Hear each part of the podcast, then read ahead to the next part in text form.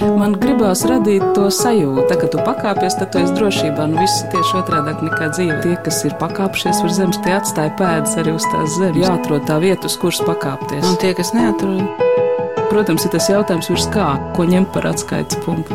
augstāk par zemi. Augstāk par zemi. Augstāk par zemi. Kā tas bija īsi pirms otrā kara? Kā?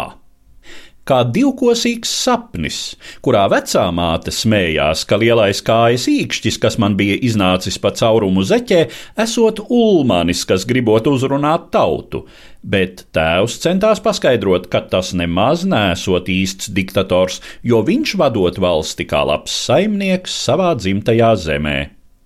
Māte man iemācījusi lasīt, ļāva priecāties par skaistajiem manevriem žurnālā aizsargs un paņēma mani līdzi uz pēdējiem dziesmu svētkiem netālajos dikļos, kurais ulmaņa pakauša sēžot, man atmiņā palika mazo maspulcēnu formas spīdīgie cepuru nāgi. Nē, tie nebija nekādi pionieri, un tie nelīdzinājās Hitlera jaunatnei, jo Ulmanis tos bija noskatījis tālajā Amerikā. Mēs dzīvojām kā eņģeļi debesīs, kurās tēvs vēl bija aizsargu mācītājs, bet tad kaut kas notika, ko es nevarēju saprast. Tikai vēlāk dabūju zināt, ka aizsargi esot palikuši savās vietās. Tikai mīļā miera dēļ, un Ulmanis pats tikai uz īsu laiku, tikai mīļā miera dēļ, jo otrais pasaules karš vēl nemaz nesot sācies, nesot karš.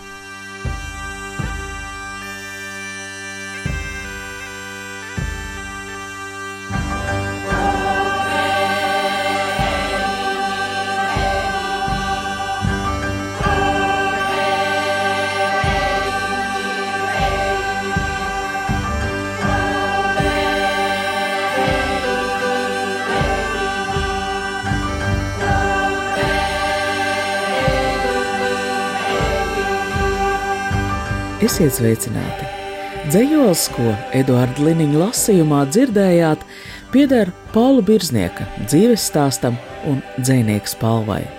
Savukārt pūt vējiņos, suitu sievu un radiokoru izdziedātos ir otrā pasaules kara saceltās vētras spēks, kas latviešus pēkšņi padarīja par bēgļiem aizpūt pāri jūrai uz dīpīšu nometnēm Vācijā, tālāk uz Amerikas Savienotajām valstīm Pauls Birsnieks, Amerikā mītošs filozofijas doktors, sava mūža 89 gadus sakārtojas trīs grāmatās, divos vēl nepublicētos manuskriptos, no kuriem viens ir paša rakstīto dzējoļu izlase Doma dzērvens, no kuras pa dzējolim dzirdēsiet arī šajā raidījumā, otrs Paula Birsnieka prāt izcilāko pašatzējoto angļu valodīgo dzējnieku izlase.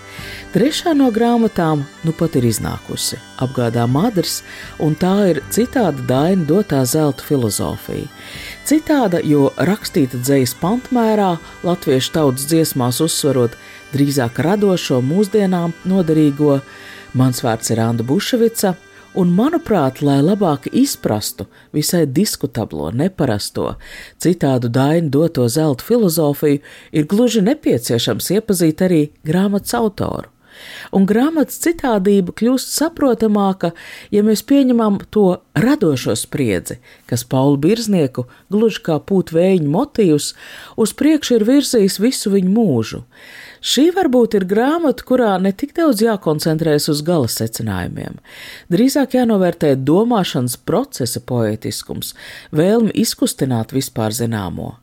Un šādā nozīmē saruna ar Paulu Birznieku par dainās no jauna aktualizētajām tēmām vienlaikus ir saruna par garas, garīgi piesātināt nodzīvotas dzīves pieredzi. Man interesē jūsu dzīves stāsts, tās viscenākās atmiņas. Ko jūs atceraties no Latvijas? Nu, es ļoti daudz atceros, visvairāk atceros māju, kurā esmu dzimis. Mēs viņu saucām par mācītāju māju, bet faktiski viņa bija mūžiņa. Un tam vārdam ir liela nozīme, jo mans tēvs kļuva par mācītāju. Latvijas korporācijas ietekmē viņiem bija nodoms pārņemt latviešu baznīcu no vācu vadības. Pa gadiem simtiņiem Latviešu baznīca bija zem vācu varas, un tā mēs dzīvojam mazā muižiņā, jutāmies kā muižnieki izņemot, ka tēvam nebija liela alga, pat nevarējām atļauties zirdziņu. Bija pāris govis, pāris cūkas, vistiņas un milzīgs dārzs, skaista vieta. Tas viss notika Viļķenē, Limbaģa rajonā. Esmu dzimis 1932. gada 13. janvārī Viļķens pagasta Katrīnas draudzes mācītāja mājā, kur mans tēvs, Kārlis Arnolds Birznieks, bija ne tikai mācītājs, bet arī Valmieras iecirkņu prāvests. Māte, Anna Margrieta Birznieks, dzimusi Kreps, bija beigusi Rīgas Angļu valodas institūtu. Pauls Birznieks raksta savā autobiogrāfijā. Bet nu, pēc svarīgākām lietām par manu rakstniecības darbu un uh, skolotāja darbu. Vissvarīgākais notikums Viļķenē bija tas, kad sākot pamatskolu pirmajā klasē, mani latviešu valodas skolotāju man prasīja palīdzēt viņai mācīt citiem bērniem lasīt. Mama mani bija labi apmācījusi lasīt un rakstīt. Un es iegāju skolā un jutos pats kā skolotājs. Atsēdos blakus citiem bērniem un uh, pats uz savu roku ar pirkstu vilku līdz burtiem un parādīju, ko tie nozīmē. Visam tam bija milzīga nozīme manai dzīvei. Tā kā amats rokā, jo es visu pavadīju kā skolotājs, kas mācīja lasīt un rakstīt. Beidzot, pat Amerikā amerikāņiem mācīju Šekspīru lasīt un rakstīt domrakstus. Pirmās sliedes. Pirmo reizi, kad es maziņš būdams, bet jau cilvēks ar kājām, veiklām un basām, un galvu gudru kā mēnesis, kam vienmēr patikās prasīt, kurp ved šīs drātis gar ceļa malu, kuras vecais zirdziņš dabas bērns nekad nevarēs noskriet, jo viņš neprot cilvēku valodu, redzēju dzelzceļa sliedes pālē, pat ne limbažos, un pielicis ausi pie vienas no tām, kā pie telefona, dzirdēju netālos lielgabalus, vietējās ērģeles un kādu svešu valodu sanošu kā konfūcija tautas dziesmās. Ziņkārīgs kā zvirbulis, es palēkāju no vienas sliedes uz otru, bet, kad es pieliecos, lai ieklausītos, ko dzied otra sliede un vai tās abas var sadziedāties, kā tās satiekas tālē, Mamma mani parāva nost, jo tuvojās lielais brīnums, kuru sauca par mazo bānīti, un kurš kā kāds pagaidu dieviņš uz kādu stundiņu vai pusotras savilka kopā man manas sliedes, it kā tās būtu divas smadzeņu puses, paps un mamma, viss svešais un tuvais. Izkāpām zilā kalnā, kur pretī bija vecais tēvs ar zirdziņu, Atstājām aiz muguras kalnu, pašu vēl neizpētītu, kā sievietes krūti. Tikai vēlāk dabūju zināt, ka zem tās esot mazs rūtīti salā, kas gribot tikt ārā, lai brauktu uz Ameriku izglītoties. Līdz Valmierai toreiz es netiku, kur nu vēl uz filozofa Konfūcija seno Ķīnu. Un sakiet, tā interese par tautas dziesmām, par Latviju dainām. Jūs rakstat savā, nu, tajā biogrāfijā, ka tā interese sākās nokļūstot Vācijā, bēgļu nometnēs, pateicoties profesoram Ernestam Blesem. Vai tas bija kaut kas jau agrāk jūsu ģimenē? Ģimenē, kā es teicu, mana mamma mācīja man lasīt, un ko mēs lasījām? Nu, katrā ziņā tautas pasakas, bet arī dainas Es atceros, varbūt skalbi un poruku. Skolā pirmā klasē bija komunistu laiks. 40. gadā tad jau latviešu literatūru daudz nenodarbojāmies. Bet tiešām rūpīgāk pie dainām pievērsos Vācijā, Hanavas nometnē, bēgļu gaitās. Mums bija brīnišķīgi kvalitatīva ģimnāzija, kuru vadīja profesors, agrākais profesors Bless. Latvijā viņš bija universitātes profesors valodniecībām. Bet faktiski pie Dainām tuvākais kļuva ar latviešu valodas skolotājas palīdzību, kas mums tieši pasniedza dainas, lika viņas mācīties no galvas un pat mums lika dzējot, atzējot, pašiem dzējot dainu veidā. Bet tā ir interesanti ievirze, jo runājot par latviešu tautas dziesmām, vienmēr ir nu, tāda tā kā vēlēšanās saglabāt zinām tīrību, ka paraugs ir jāatdarina precīzi. Un tāda neprecīza izmācīšanās, improvizēšana nāk dainām tikai par ļaunu. Manā grāmatiņā ir pretējais. Es mēģinu uzlabot, atsvaidzināt, iedzīvināt senās dainas, mūsdienu nolūkiem. Labs piemērs tam ir mani tautas rakstu zīmējumi. Grāmatiņa sākās ar maniem zīmējumiem. Piemēram, es paņemu jūmi, visi pazīst latviešu rakstu zīmi jūmi, pastiepju vienu kāju, izkustinu viņa vārpiņas, viņas leņķīšus, mēģināju viņu padarīt dzīvāku, iedzīvināt mūsdienu nolūkiem. Tas pats attiecās uz dainām. Kad es lasu dainas, es domāju, nu, tās tagad druskuļi iestingušas. Man patīk salīdzinājums ar svaigām olām, kas ir ieliktas dainu skapja ledus skapī. Mums viņas jāizņem no ledus skapja, jāsasilda un no viņām jāizpērina jauni cālīši, kas var izlidot kā cīrulīši un dziedāt īsti latviešu garā jaunas dziesmas. Hanavas nometnē Vācijā Pauls Birsnieks, tobrīd tikai 12 gadus vecs, nodzīvo 5 gadus. Pārdzīvoja Otro pasaules karu, nedzirdēja nevienu šāvienu, neredzēja nevienu bumbu krītot, tikai sabiedroto uzlidojumos sagrauto Hanavas pilsētiņu Vācijā un par holokaustu nežēlību es uzzināju tikai pēc kara. Es nespēju no tās distancēties, lasīju literatūru, kas sīk izklāstīja cietušo likteni, un nespēju atrast izskaidrojumu šim ļaunumam. Tā viņš raksta, komentējot jau vēlāk uzrakstīto. Arī Latvijā žurnāls Karoks publicēto dzējoli Holokausts. Darbs mums nebija. Amerikāņu armija, starptautiskā īro organizācija mūs ēdināja, Tātad mums palika daudz brīva laika kaut ko darīt. Es biju, kā angliski sakam, tīneģeris, pusaudzis. Brīvo laiku mēs galvenokārt izlietojam sportojot. Spēlējām basketbolu, volejbolu. Es īpaši koncentrējos uz galda tenisu. Gandrīz paliku profesionāls, braucu uz turnīriem un piedalījos arī vāciešu turnīros ar galda tenisu. Vēlāk iebraucis Amerikā, koledžā mācīja viņiem, kā spēlēt profesionālo galda tenisu. Izsaku minējumu, ka Paula Birznieka trimnieka liktenis ir bijis salīdzinoši labvēlīgs.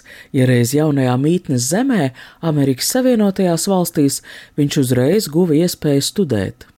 Nu, tēvam katrā ziņā bija jāiet strādāt fabrikā.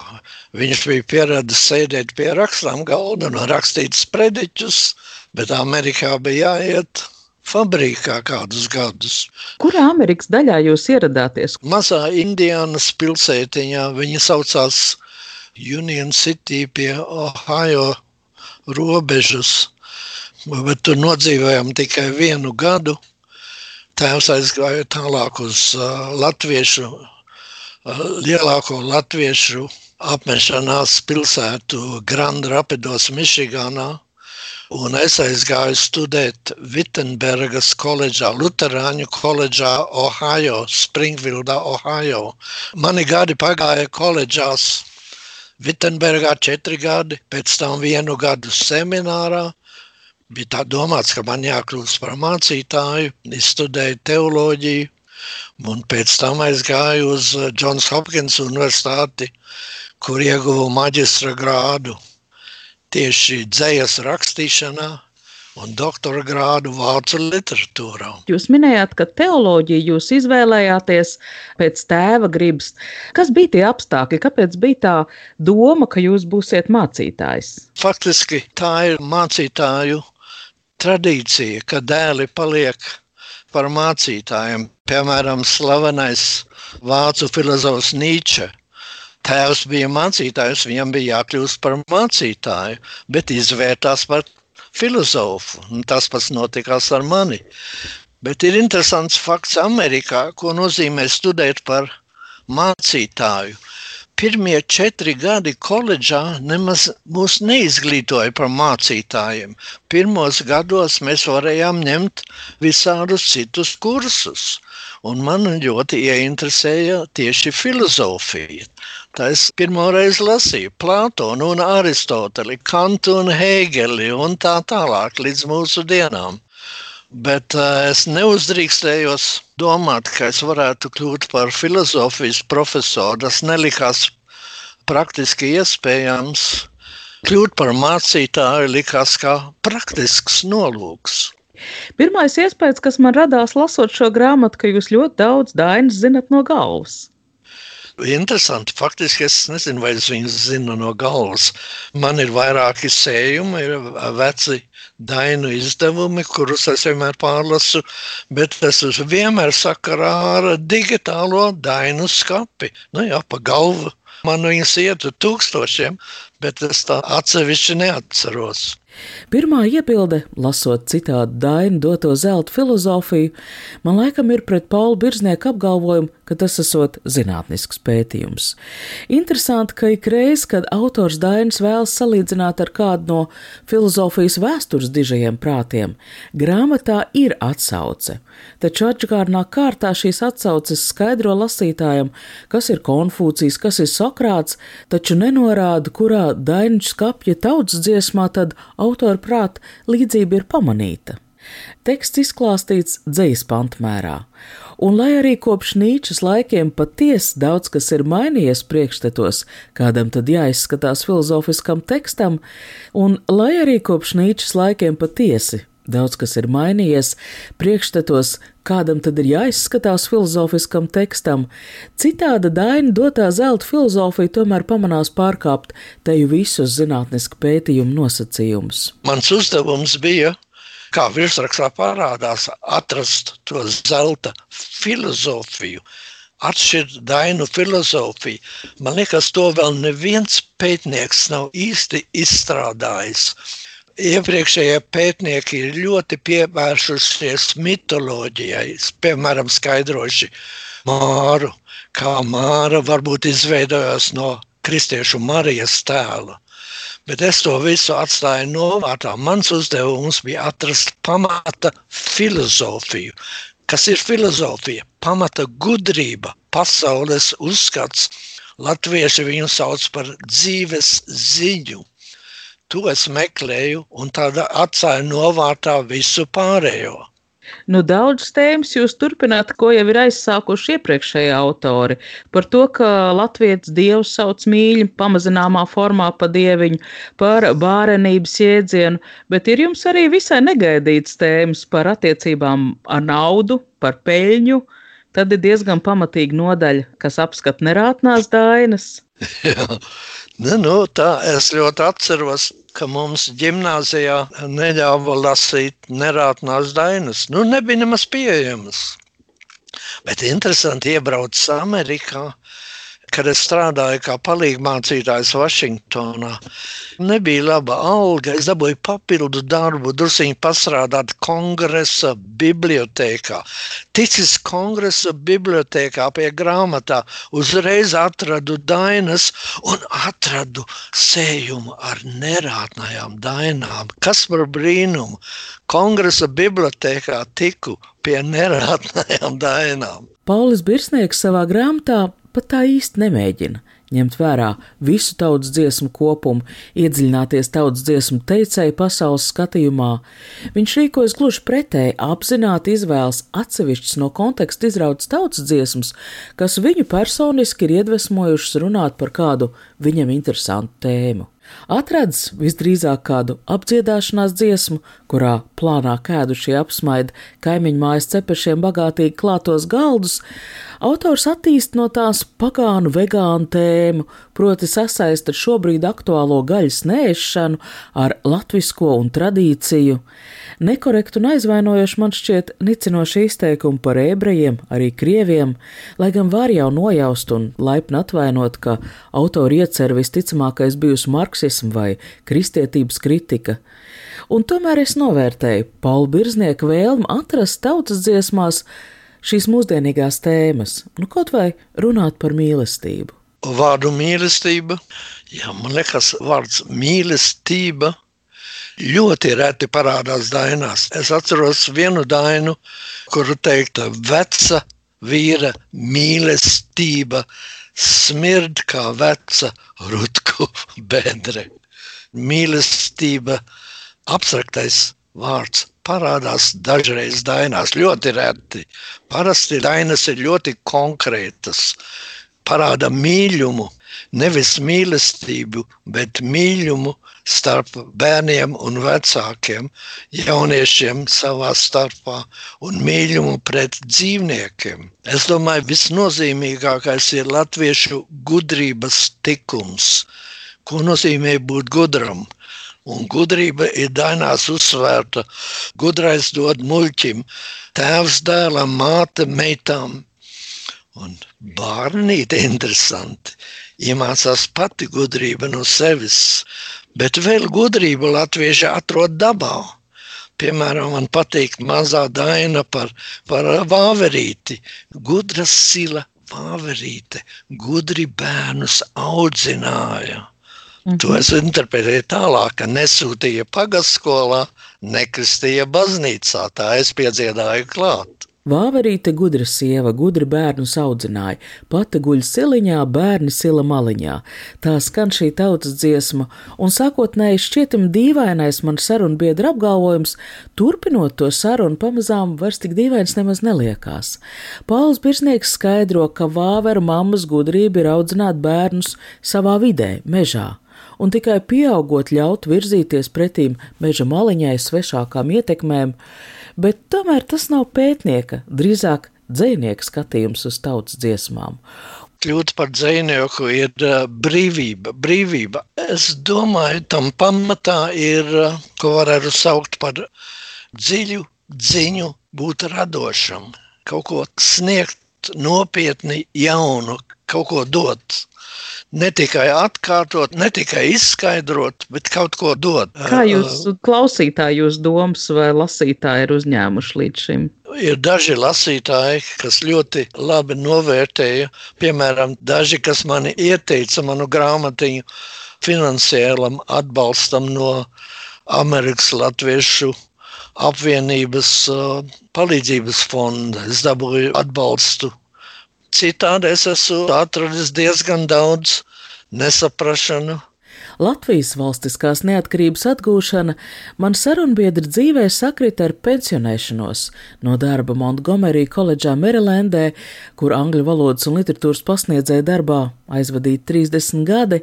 Interesanti, ka Pauls Birznieks devās uz ASV valsts departamentu, lai kā brīvprātīgais pieteiktos tulka Latvijas oficiālo viesu pavadoņu pienākumiem, tāda savdabīga atgriešanās Latvijā turpinot tai kalpot, vēlāk jau arī atgriešanās apmeklējot Latviju klātienē. Bet kāds jums bija sajūts atgriežoties Latvijā? Tā bija tā Latvija, pa ko jūs bijāt, nezinu, trimdā sapņojis. Nu, Latvijā man tieši izdevās ierasties pirmo reizi barikāžu laikā, un pats piedalījos, uzkāpu pie barikādēm ar paziņām. Bija ļoti aizraujoša sajūta. Tā kā gaisotne, latviešu brīvība, brīvība. Un katrā ziņā redzēju visus grausus un visu nepatīkamo. Bet iespējas bija, varētu teikt, radošs, radošs. Jaunā Latvija. Arī aizbraucu laukos apmeklēt viļķeni, piebraucu ar taksīti laukos. Izskrien ārā cilvēks no vecās mācītājumās. Ko tu jūs gribat? Vai gribat atņemt mums māju? Viņam bija tāds iespējas, ka latvieši atgriezīsies un gribēs atgūt savus īpašumus. Es teicu, nē, nē, mums tā māja nekad nemaz, nemaz nepiederēja. Tā māja piederēja draudzē, tā bija draudzes māja. Paula Birznieka atgriešanās Latvijā notika arī sākot publicēties šejienes preses izdevumos. Jau kopš koledžas gadiem es vienmēr publicējos Amerikas Latviešu žurnālā Jaunā gaita. Tur es esmu publicējis kādus, nu, vismaz 30 dzējoļus, sākot ar 1956. gadu. Viens no pēdējiem dzējoļiem bija Gaismas pilsēta par jauno bibliotēku Rīgā. Bet Latvijā, kad pēc tam, kad Latvija atguva brīvību, es arī publicējos vispirms literatūrā un mākslā. Literatūra un māksla man publicēja divas interesantas lietas. Viena bija Kamingsa pamatīgais dzējolis par viņa vizīti pie Ļeņina Zārka mauzolejā katrā ziņā pretkomunistisks. Un literatūra un māksla to tulkojumu, es iztulkoju latviski, iespieda tieši Ļeņina dzimšanas dienā, īsi pirms jaunās neatkarības atgūšanas. Bet otrs, ko man uh, literatūra un māksla darīja, iespieda pirmajā lapspusē ar lieliem burtiem manu dzējoli Rīgas gailis. Rīgas gailis. Visai Rīgai pieder gailis, ne tikai Pēterim, arī man, Viļķenes Paulim tālajā Amerikā, un tev, vecais partīnieks, tuvajā saimā, pelēkais žurka. Nelabvēlis tu nu gan biji, bet tādēļ es nesitīšu tevi krustā. Nē, esmu arī pats bez grēka, tādēļ jau tūliņ neskriešu baznīcā ar krustu galā. Jā, Varbūt būtiskākais visā Latvijā ir tas, ka Pēterim galā ir gailis nekrusts. Gaišais dziedātājs, nemirējs, pašu putns, nesveša čūska, brīvs un lepns, nepadots kungam, saules dzēnieks, cēlies pats tas paceļ visus citus. Kā šobrīd rit jūsu ikdiena? Mana ikdiena ir Jā, jāatzīstās. Negribās rādīt savu seju. Esmu 89 gadus vecs. Vats varbūt parādās manā balsī drusku. Ikdienu sāku ar svaru celšanu. Man katrā rokā mazs svariņš, desmit mārciņas, amerikāņu mārciņas katru. Un es viņu cilāju uz augšu, uz, uz atpakaļ, uz priekšu, uz sāniem 85 reizes. Es mēģināju to darīt 103 reizes, lai es dzīvotu līdz 103 gadiem, bet 103 reizes ir drusciņš pa grūtu, bet es cenšos 85 reizes katru rītu cilāt šos svariņus. Pēc tam, pēc brokastīm, tu, ja, faktiski brokastīs sēdot, tūlīt jāpieslēdzās internetam, jāapskatās, kas ir e-pastā, kas notiek pasaulē. Amerikas ziņas ir drausmīgi nesmukas. Vienmēr cīnās republikāņi ar demokrātiem. Tagad ir demokrāts pie sprites. Personīgi man, man patikās Trumpis, kas gan Latvijā nepatīk, bet viņš bija pamatīgs saimnieks, no īsts latviešu saimnieks, tā kā Kārlis Ulmanis.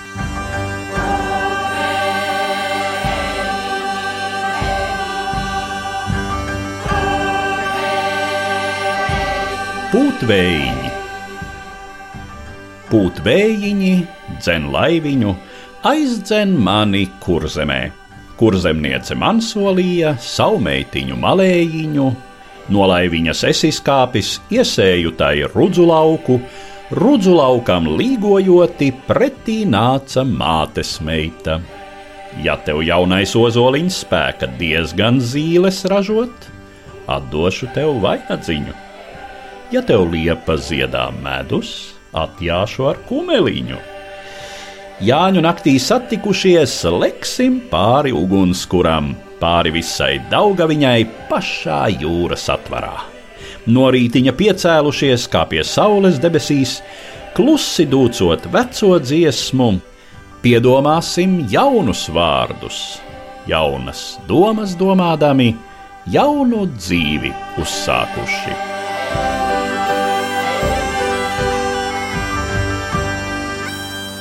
Ar Paulu Birznieku, grāmatas citāda Daina dotā zelta filozofija autoru, sarunājās Anna Bušvica. Par šī raidījuma skaņu gādāja Valdis Raitums. Raidījumā skan fragmenti no Ērika Ešenvalda skaņdarba no albuma Suita Mēle.